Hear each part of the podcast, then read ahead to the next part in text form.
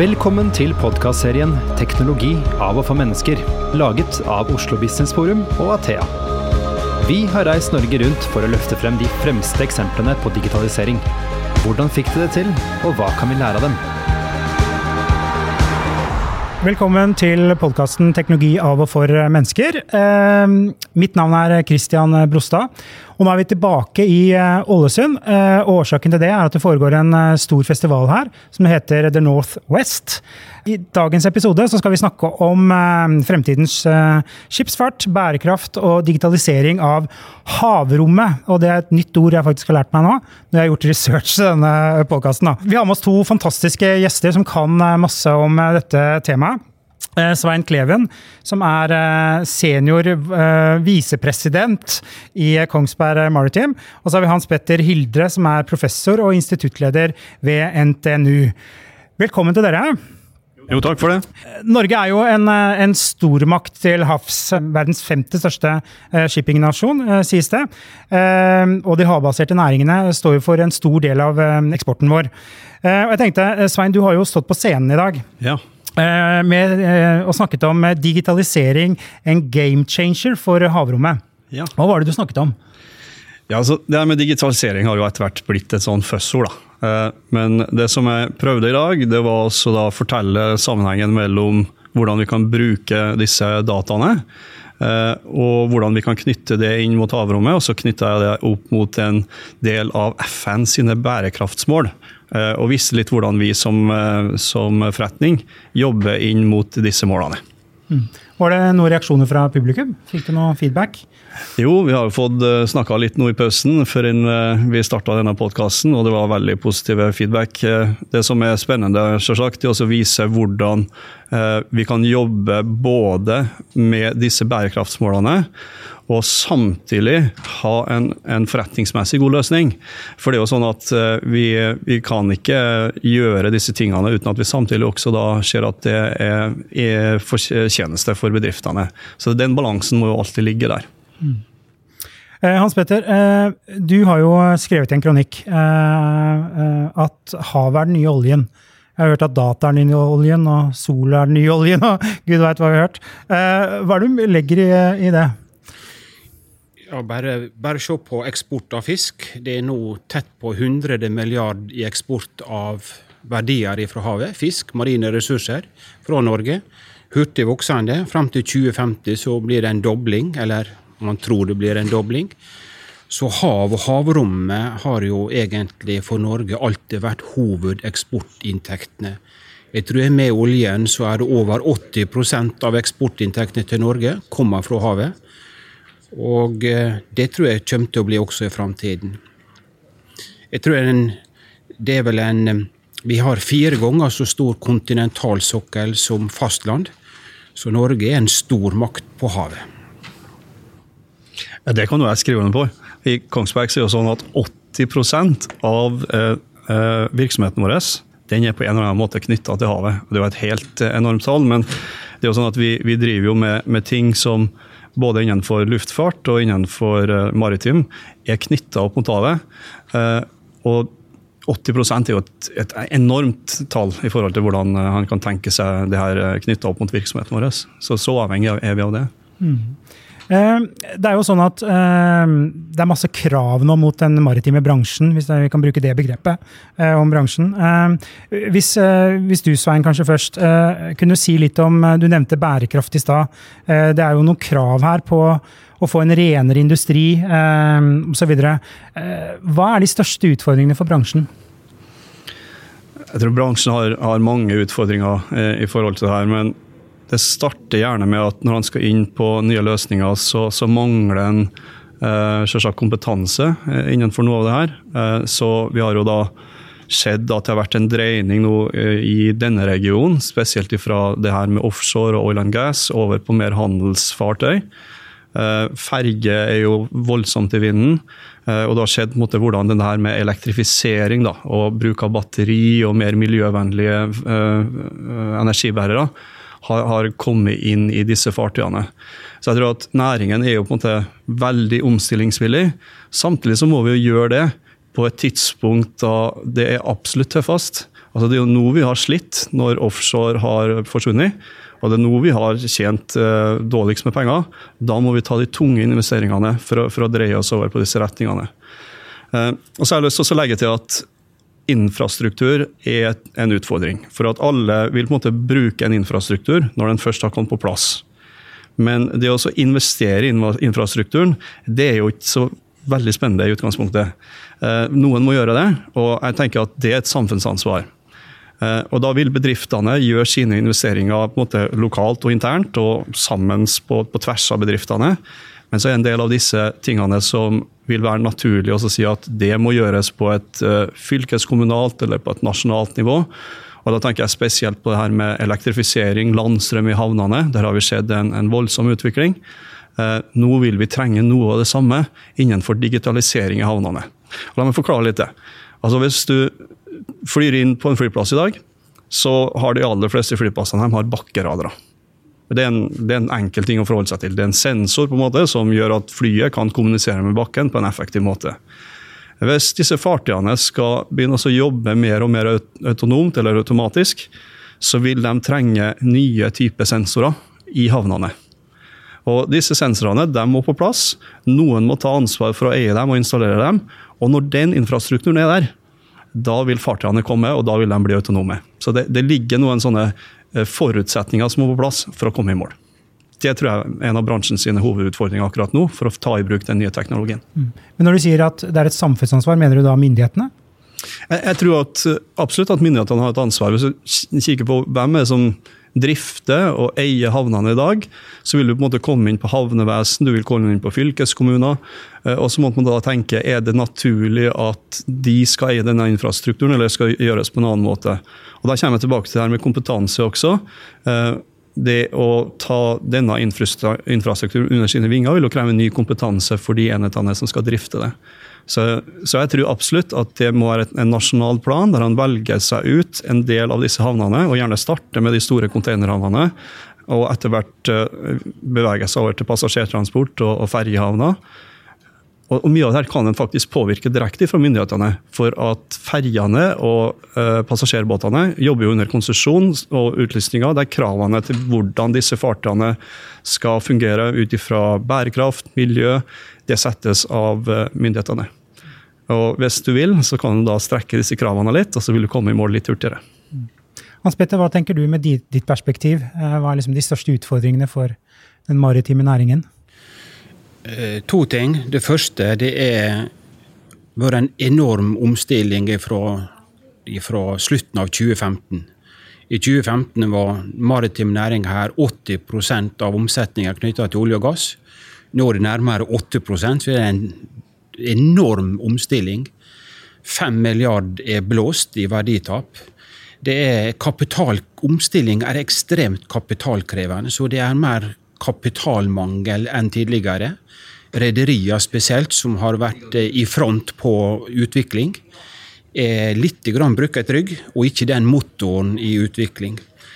Og Det er jo det du sier også med instrument og instrumentering her. Her er eh, det er en samfunnsoppgave på lik linje med hvordan vi instrumenterer veier og flyplass og alt mulig annet også, å kunne ta der. Så det er en utfordring. Det andre er jo bærekraft. som eh, Det blir jo mer og mer motstand mot bruk av fossile drivstoff generelt. Og fossilt brensel ikke bare til skip, men til det som er. Eh, den presset kommer til å bare øke og øke. Det vi har sett nå på ferger, de er jo korte avstander. Det er en sånn halvtimes turer. I et globalt perspektiv så er det litt grann en piss i havet. Det er påvirka utrolig lite, men det er et lite viktig skritt. Det er en teknologiutvikling som foregår der. Og jeg tror vi vil se mer og mer hybride maskineri. LNG på, lang, på lange skip med lange transportstrekninger. Tunge skip. Så vil vi se LNG, hydrogen er kommende. Her er det masse teknologiutvikling som må til om vi skal klare å redusere bruk av fossilt brensel nevneverdig. Jeg tenker det, Hans Petter, at alle disse forskjellige løsningene eh, om det er hydrogen, eller om det er batteridrift, eller om det er LNG, eh, de vil måtte jobbe i parallell. Altså Det vil ikke måtte være sånn én løsning som passer til alle typer fartøy og alle samband. Eh, det er jo også sånn at i Norge så er vi jo en helt unik posisjon i og med at vi har vannkraft. Vi kan tappe vann, og så kan vi få elektrisitet på batteriene uten at eh, vi forurenser noen ting. Det er, en, det er en helt fantastisk unik posisjon. Og, og, det må vi på en måte utnytte. Det som da tror jeg blir viktig, det er å si at svaret er batteri, hva er spørsmålet. Det kan være en fare liksom, å ende opp i en sånn eh, ja, en, en, en utfordring på det. da.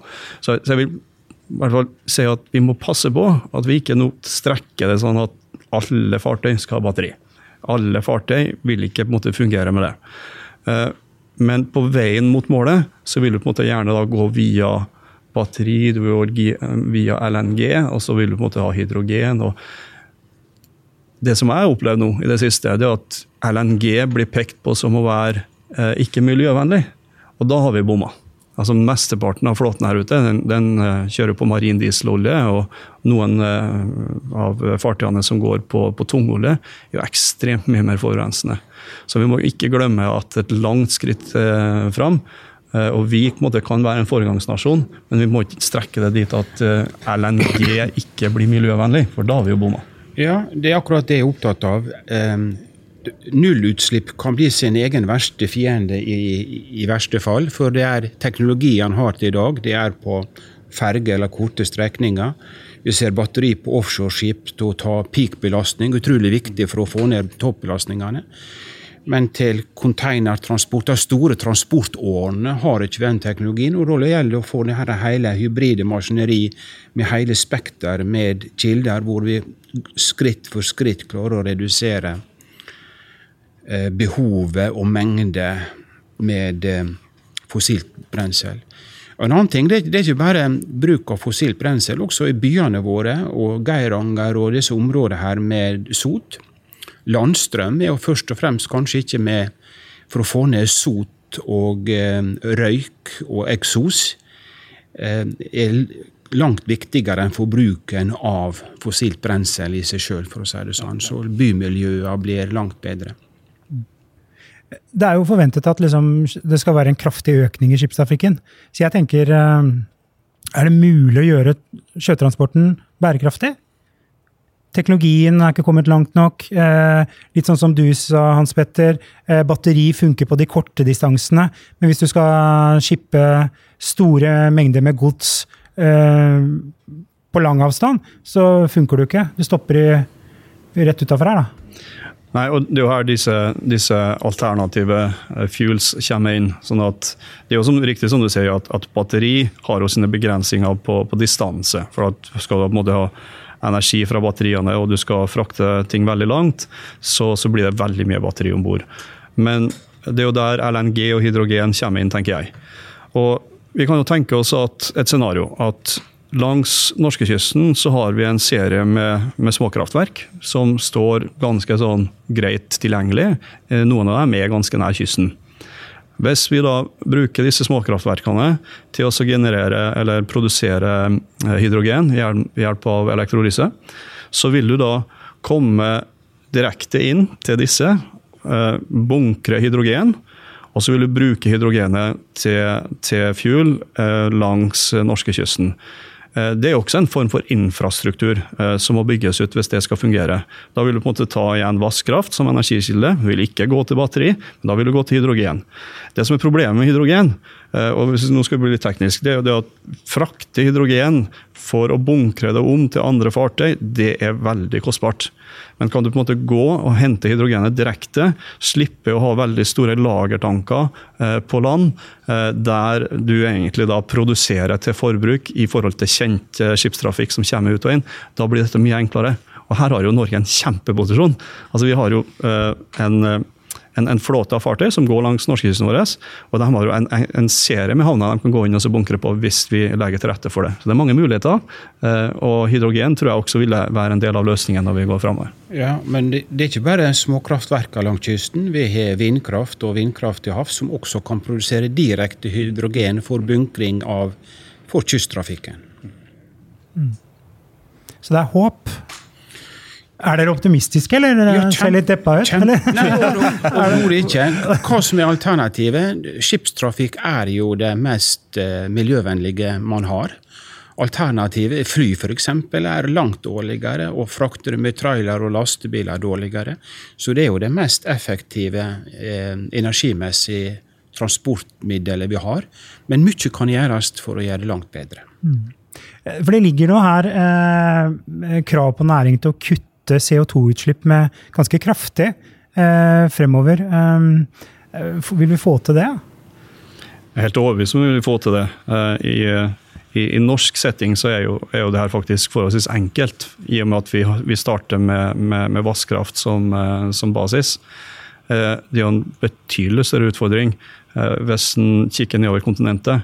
For der er jo mye av elektrisiteten er jo fortsatt generert fra Eh, ikke miljøvennlige eh, energikilder.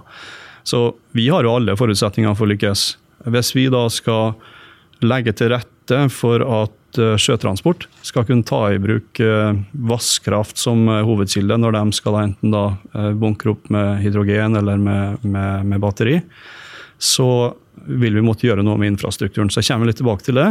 Jeg tror utfordringa til, til næringen rundt det her med elektrisitet i å på en måte legge eh, infrastruktur til, til, rette. Så har du da andre eh, løsninger som går på å gjøre ting mer effektivt. Eh, og Det er jo bl.a. derfor vi kikker på det her med autonomi. Da kommer du inn på ikke, ikke nødvendigvis at, at, alle fartøy skal være mannskapsfrie, det er ikke det vi tenker. Men vi ønsker på en måte å bruke den teknologien på en sånn måte at fartøyene jobber mer effektivt, og at de har en, en, en bedre inntjening også. For hvis du skal lykkes med bærekraft, så må det også være sånn at det er lønnsomt å være eh, miljøvennlig og eh, jobbe i forhold til bærekraftsmålene. Og autonome fartøyer, det er altså selvkjørende fartøyer hvor noen sitter på land eh, og styrer fartøyene. Høres ut som en drøm? Ja, men ser, um, autonomi kan også bety det er mannskap. Det er økt automatisering vi egentlig snakker om. I noen tilfeller helt uten folk. Det ligger litt grann noen år, litt, noen år frem.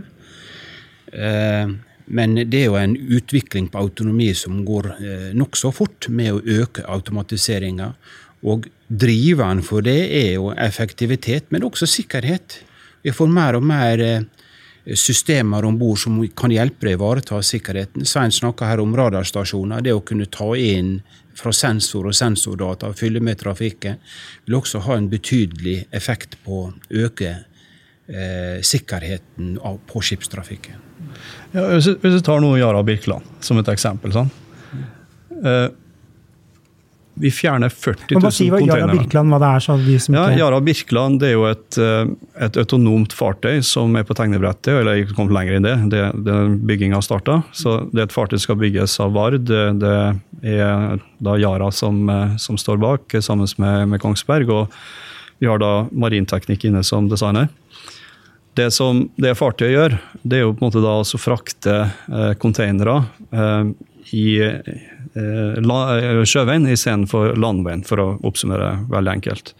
Og det tilsvarer det fartøyet sin kapasitet og det behovet da, som, som Yara ser for seg, er 40 000 containerlaster årlig.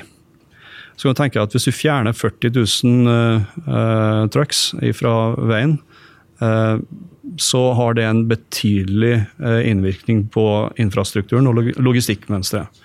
Og det er jo veldig flott. Da starter vi på en måte å teste og verifisere at dette går. og Da starter vi med, med mer og mer automatisering. Og så har vi da mindre og mindre mannskap om bord. Og etter hvert som vi ser at det her er fullt ut uh, fungerende og sikkerheten er, er, er som forventa, så vil den da uh, til syvende og sist operere fullt autonomt og også da mannskapsfri. Hvis vi overfører det her til denne regionen som et eksempel. Eh, på vinterstid så er det, det er smale veier her på, på, Vestlandet, det vet alle. Det er vanskelig å komme seg fram. Veldig gode sjåfører.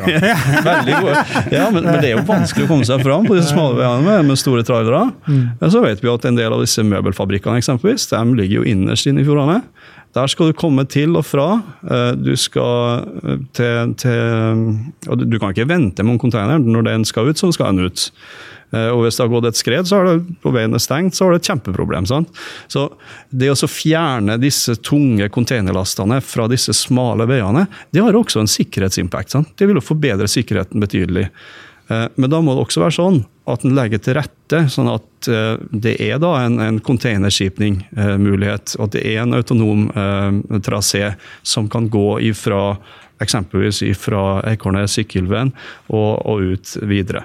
Og Da kan en se for seg mange løsninger, eh, men hvis en ikke begynner å investere i denne infrastrukturen, så vil ikke det skje noen ting. Det er en måte utgangspunktet. Og jeg tror at Yara Birkeland vil på en måte være ett sånn eksempel som viser mulighetsbildet. Og så tror jeg vi framover, i løpet av forholdsvis kort tid, vil se mange tilsvarende eksempel etter hvert som eh, industrien og eh, alle som, som, ser muligheten rundt det her, eh, våkner. Mm. Så det er ordentlige ringvirkninger her, egentlig, da?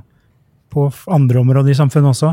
Ikke ja, bare skipsfarten? Ja, klart det. Dette her, med, dette her er en nasjonalt løft på infrastruktur knytta til nær eh, sjøskipsfart.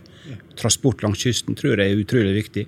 Men der er jo havne, havnevesenet, det er skipsovervåkning, skipskontroll og hele trafikkbildet. I dag så er i grunnen all makt og kontroll av et skip foregår i stor grad om bord i skipet og på brua.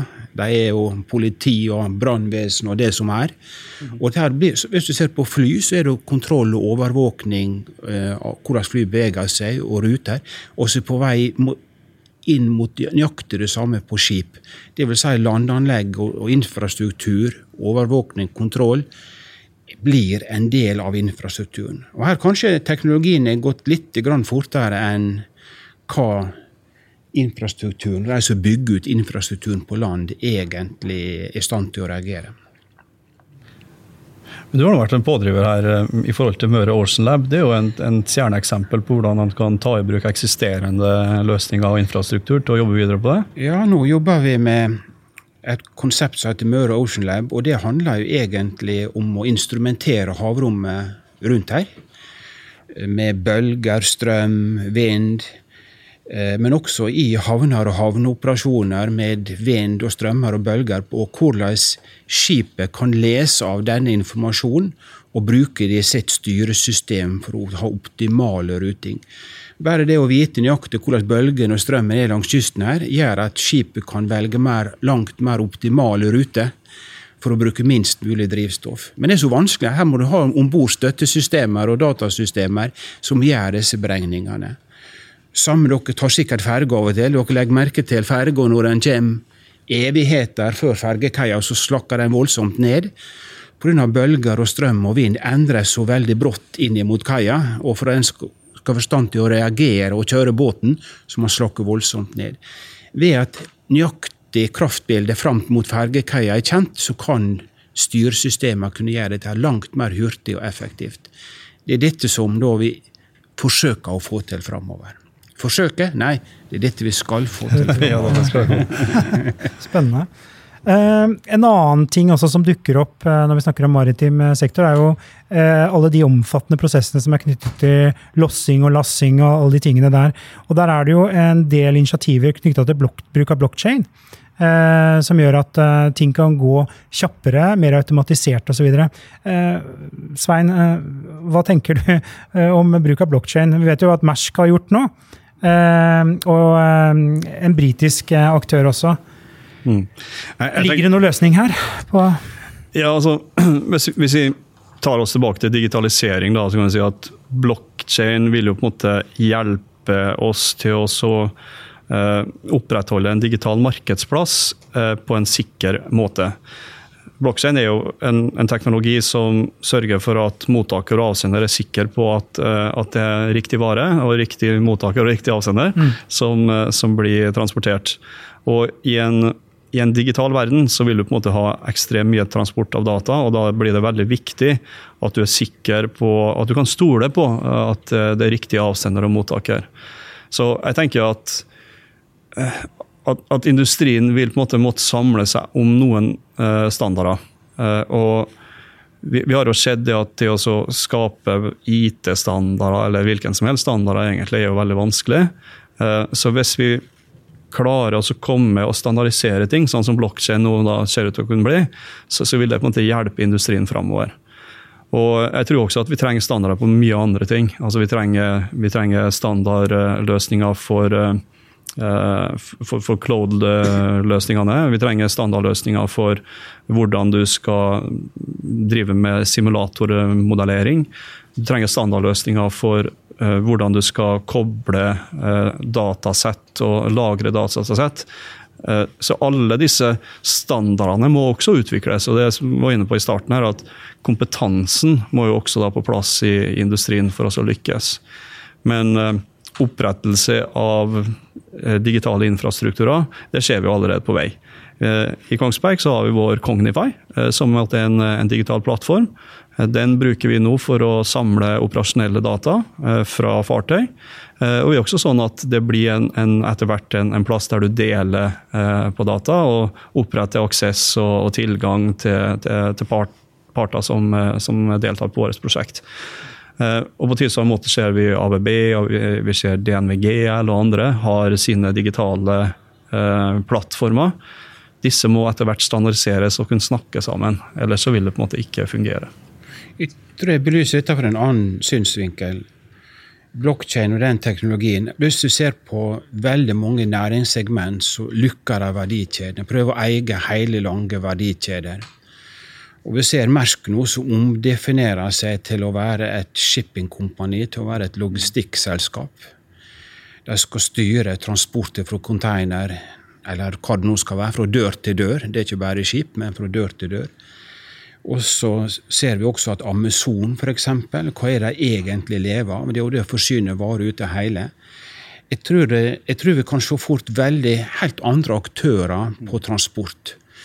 Eh, og transportsektoren hvor, som inngår både hav og land på, og fly på helt andre måter. Så her er det noen teknologier som er på vei som kan skje utrolig hurtige endringer.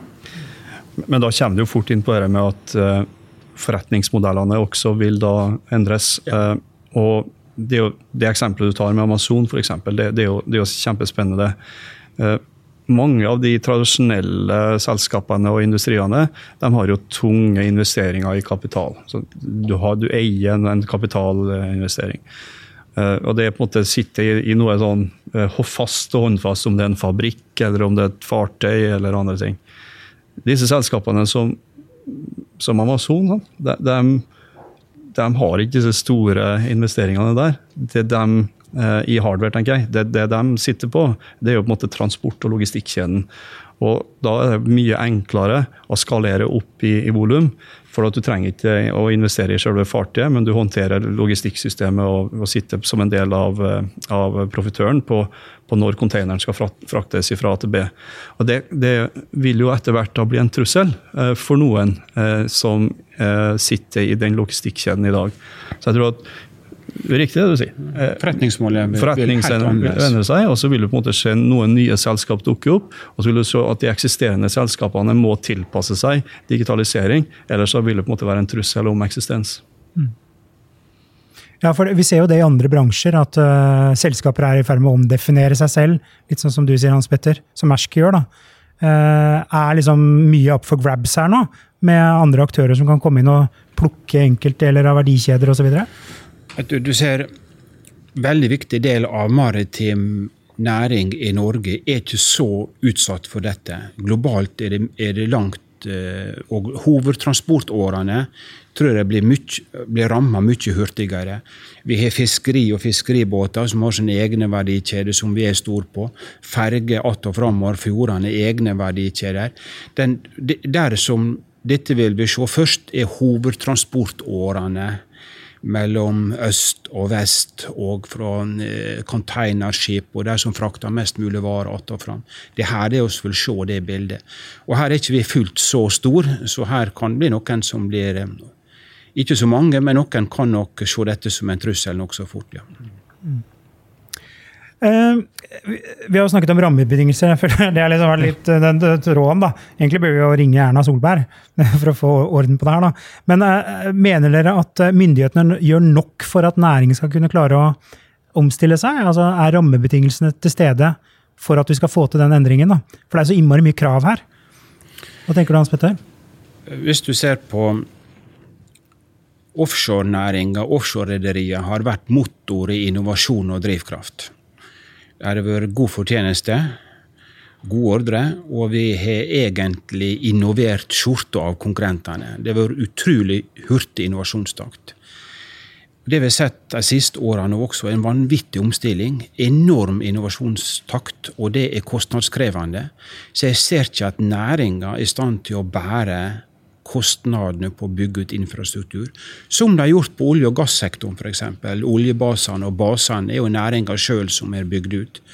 Men over for å flytte mer og mer transport fra land til sjø, ser jeg ikke at næringa er i stand til å dekke de infrastrukturkostnadene i dag. Eh, men jeg tror ikke næringa skal be om så veldig mye direkte overføringer. Men infrastruktursiden her er viktig å få på plass. Ja, jeg er mye enig i det, Hans Petter. Jeg vil jo egentlig berømme virkemiddelapparatet og, og regjeringa for at det blir jo gjort veldig mye bra. Uh, absolutt. Og også det at vi har tilgang til EU sine uh, bevilgninger gjennom Horizon 2020-programmene, uh, hjelper jo oss veldig mye. Men, men det, samtidig er det sånn at det er alltid rom for forbedringer, selvsagt. Og det som jeg tror vi vi alle sammen eh, tenker litt rundt nå, det er hvordan koordineres eh, disse virkemiddelapparatene bedre eh, mellom seg. På samme måte som både bedrifter og forskningsinstitusjoner må på en måte samarbeide, så må vi også da kanskje få til en enda tettere integrasjon mellom virkemiddelapparatene i, i Norge. Det, det, andre er eh, altså, han, han, må på en måte være i stand til å tenke nasjonalt uh, samtidig som han tenker globalt uh, og internasjonalt. Og, og, der tror jeg at vi, vi har fortsatt et godt stykke igjen uh, som nasjon før vi, vi, lykkes fullt ut på, på, på, den internasjonale arenaen når vi snakker om disse virkemiddelsprosjektene. Da tenker jeg på EU da, spesielt. Hadde, har vært en del nå og sett hvilke muligheter som finnes i andre land også. Uh, og det, det, som slår meg, det er at uh, mange nasjoner er i ferd med å våkne nå. Altså, du, har, du har Kina, som på en måte nå investerer veldig tungt innenfor digitalisering. Uh, jeg var i Korea, og der var det veldig stor fokus nå på hvordan de skal berge sin skipsbyggingsnasjon. Og da er svaret deres at da må de ta i bruk digitalisering, dem også. og De snakker om digitale verft. I, i, i Norge så har det i veldig stor grad vært snakk om denne eh, digitalisering av operasjonelle data, og hvordan du på en måte kan gjøre ting mer eh, effektivt og, og, miljøvennlig. Jeg savner litt denne, den, det digitale verft-tankegangen som jeg ser nå Korea er i ferd med å utvikle. Det er klart at Når koreanerne våkner nå, så, så vil jo på en måte dem komme tungt, eh, og, og, kineserne også. Så jeg tror det er viktig at vi også uh, ser litt på hva som foregår i de andre landene, og prøver å lære litt av det. Uh, men alt i alt så må jeg få si at det gjøres fantastisk mye bra av regjeringa og virkemiddelapparatet i Norge. Det er jeg helt enig i. Men konkurransekraften til norsk maritim næring er i veldig stor grad avhengig av innovasjonshastighet og innovere hurtigere enn konkurrentene. Vi er, vi er, litt dyrere her i landet. Vi har høyere lønninger. og eh, det gjør at kostnadsnivået er høyere, så det er innovasjonstakta som gjør egentlig viktig del av konkurransekraften. Og med offshorenæringa, rederier som er litt nede, så, så, må man bruke litt andre metoder for å få opp igjen innovasjonstakta. For det er jo det som du sier, av produkter innen maritim, det som blir produsert og laga av propeller og gir og det som er, er 80% i den størrelsesorden eksport. Det er en fantastisk eksportnæring. Så konkurrerer den på internasjonale marked. Da må innovasjonstakten være oppe og gå. Mm. Det er jo gjerne sånn at, at hvis vi ser historisk, så har vi jo vært uh, dyktigst på de mer komplekse, avanserte fartøyene i Norge. og Spesielt innenfor når tenker på skipsbygging. Uh, og når vi nå på en måte har hatt dreining fra en forholdsvis kompleks, avansert offshoreindustri og oil and gas-industri mer inn mot handelssegmentene, så ser det jo ut som at der vi lykkes, det er jo igjen på de komplekse og avanserte og store fartøyene. Da. Eh, så jeg tror også at vi, vi har en mulighet som vi kanskje ikke helt har utnytta her. Det er at det her med big data og digitalisering vil jo på en måte også gi muligheter for oss å gi mer standarder. Og med standarder da også kunne lykkes mer på volumproduksjon. Og Der tror jeg vi har en del av lære, å lære i forhold til Hvis du går tilbake til, til Tyskland og Industri 4.0, hvor, hvor, det starta, så har vi på en måte nå kommet uh, i en prosess der ja, dette kan vi også få til her. Sant? Vi kan få til en robotisering og en automatisering i fabrikasjon. Uh, alt bygges egentlig rundt at du må ha mer standarder hvis du skal lykkes på volumproduksjon. Og Der tror jeg ikke vi har helt uh, truffet helt da, ennå. Vi har litt å gå på der. Men der tror jeg næringa også føler en solid oppvekker for tiden. For marginene på olje- og gassektoren som de hadde for tre år siden, mot de segmentene de er på cruise og ferge, og de segmentene de er tunge på i dag, er langt mindre. Så effektiviseringa og rasjonaliseringa i produksjonen den føles solid tungt. altså. Verfta som er her nå, har tøffere marginer og må være langt mer effektive for å hente ut fortjeneste veldig kort avstand mellom litt fortjeneste og litt tap. Mm. Eller stort tap. Eh, vi begynner å nærme oss slutten, så nå tenkte jeg at vi skulle være helt ville og gale. Er dere med på det? Alltid. Alltid. eh, hvis vi, eh, nå er det et sånn tankeeksperiment her, da. Eh, så hvis vi kan tenke oss eh, hvordan verden ser ut om ti år og så kan dere krangle om hvem som skal starte. hvordan vil man beskrive den tilstanden vi da opplever om ti år? Svein, du, Petter peker på Svein her. Nei, altså, jeg, Hvordan ser næringen ut? Mm. Jeg, jeg, har lyst til å på en måte ta litt mer sånn, et sånn jordnært eh, praktisk eksempel. Jeg, jeg bor jo i Ulsteinvik, eh, og jeg pendler mye til Ålesund. Eh, jeg start, fra jeg starter hjemmefra og til jeg er her på kontoret, så bruker jeg ca. 1 12 time. Eh, og så bruker jeg like lang tid tilbake. Det er tre timer i pendling det, hver dag. Eh, hvis jeg skal på en måte sette da, dette med passasjerer i fokus, så er i mitt hode det, det er ikke godt nok. Hvis du kikker på avstand, eh, så jeg ser for meg at hvis vi begynner å koble sammen disse transportsystemene? Du, har, har muligheter for bil på området, du har busser, du har kollektivtransport der, du har ferje, du har passasjertransport på, i form av hurtigbåt. Men det må kobles sammen. Så jeg ser for meg at her på huset, nå sitter vi på OKB Blue Innovation Arena på NMK. Her er det kanskje en, en trafikksentral under eh, utvikling, som måtte ha fått en full løsning på alle, alle dataene, alle forsinkelsene som oppstår fra flytrafikken. Eh, alt er kobla sammen. Så jeg på en måte kan da gå hjemmefra og vite at eh, jeg kan flyte hele veien i en betydelig større hastighet. Eh, kanskje kan jeg jobbe samtidig som jeg forflytter meg. Eh, så at jeg ikke mister egentlig en og en halv time, men at det blir mer effektiv eh, jobbing. da. Så, og, og, Det tror jeg krever da, at du vil få en del sånne feederfartøy, buss, sjøbusser, som måtte da forflytte folk fra mindre steder til en sånn hovedfartsåre. Og så Hvis vi beveger oss litt utover, så tror jeg at når vi ser langs norgeskysten, så ser du at dette er knytta opp også med nærskipsfarten, som igjen da er knytta opp mot de store containerskipshavnene, og, og forflytter da gods også på samme måte. Jeg tror at det er ikke ett enkelt fartøy, men det er summen av disse logistikksystemene som blir viktig. og da på en måte kan ikke se kun på, på, på fartøyene, man må se koblingene mellom ja, fra snø på da hvordan varen forflytter seg fra A til B, og da kan varen være en passasjer eller det kan være gods. Hans Petter, hva er din ville beskrivelse? Ti år går veldig fort. ja. Er det en maritim klynge som viser voldsom innovasjonstakt? Hovedgrunnen til det er, eller En av grunnene til det er betydelig flyt av arbeidskraft mellom ulike bedrifter og mellom ulike disipliner og områder. Og da er det flyt av kompetanse og kunnskap Så er det ei bedrift som blir god på noe, så flytter folk litt over på en annen bedrift. Den flyten av kompetanse og folk gjør at den innovasjonstakten er høy. Den tror jeg han kommer til å fortsette å ha, og holde den innovasjonstakten. Så jeg er relativt eh, avslappa på hva bra det går i framtiden. Her vil gå opp og ned. Her er verft som kommer til å få kjempeproblemer, det vet vi. Men jeg er helt overbevist om at kraften i klynga klarer de takene som er. Litt grann bekymring det er eh, Næringa er veldig prosjektbasert. Det vil si at utviklinga går nesten i prosjekt etter prosjekt.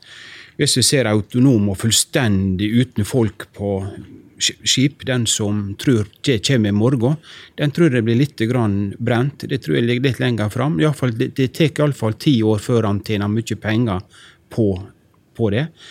Og da tror jeg, akkurat som du sier, at det blir mange små ting innimellom. Mange ulike ting. Jeg tror ikke det blir én ting.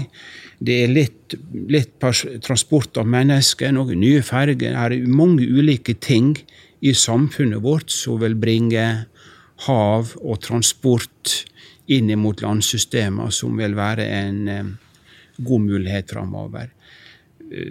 Cruise er det mange segment på opp, nye måter å fiske og fiskebåter på. Fabrikker om bord der. Jeg tror, vi vil se nå en masse utvikling på utrolig mange områder.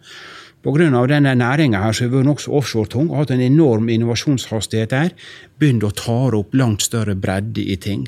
Og det tror jeg egentlig er veldig sunt for næringa. Og jeg tror også det var flott at krisa i offshore kom når hun kom, og ikke litt seinere. For da tror jeg du kunne smølle enda mer. Så jeg tror den var bra i et langt perspektiv. Mm. Jeg var så lei til at Altså jeg er helt overbevist om at det vi velger å satse på, det vil vi bli best i verden på. Vi vil lykkes, for kompetansen er der. Og så tenker jeg at disse bærekraftsmålene til FN dem er vi i ferd med å uh, løse inn. Og vi vil se at betydelig andel av matproduksjon som uh, i, dag uh, kommer mer fra husdyrhold, den vil være flytta over til havet. Det tror jeg er en trend som må bare komme. Så, så litt sånn større globalt så vil jeg se at det vil skje, og vi vil være best i verden i Norge. Og så vil det bli noen milliard mennesker til, og de må ha mat og energi, som er kanskje de to viktigste driverne i hele global utvikling av verden. Og mat og energi må hentes fra havet. Landjorda er i grunnen overoppheta som det er. Og jeg tror den, ikke en 60% av den totale biologiske masse på jorda som er i havet. Det er en stor andel. Og bare 2% av og maten til mennesker kommer fra havet, så har det kjempestort potensial. Og vi som eier så store havareal, vi har sett på ei gullgrein. Dette blir stage bra. Det bra. Svein og Hans Petter, det uh, har vært kjempeinteressant. Uh, og i dag så har vi altså hatt live-publikum. Det er ikke så mye lyd fra dem, men uh, sånn er det. Uh, så tusen takk til dere, uh, og tusen takk til deg som lyttet på. Du har nå lyttet til podkasten 'Teknologi av og for mennesker', laget av Athea og Oslo Business Forum. Følg oss i sosiale medier og på nettsiden vår athea.no. slash podcast. Vi setter utrolig stor pris på om du gir podkasten en vurdering i iTunes.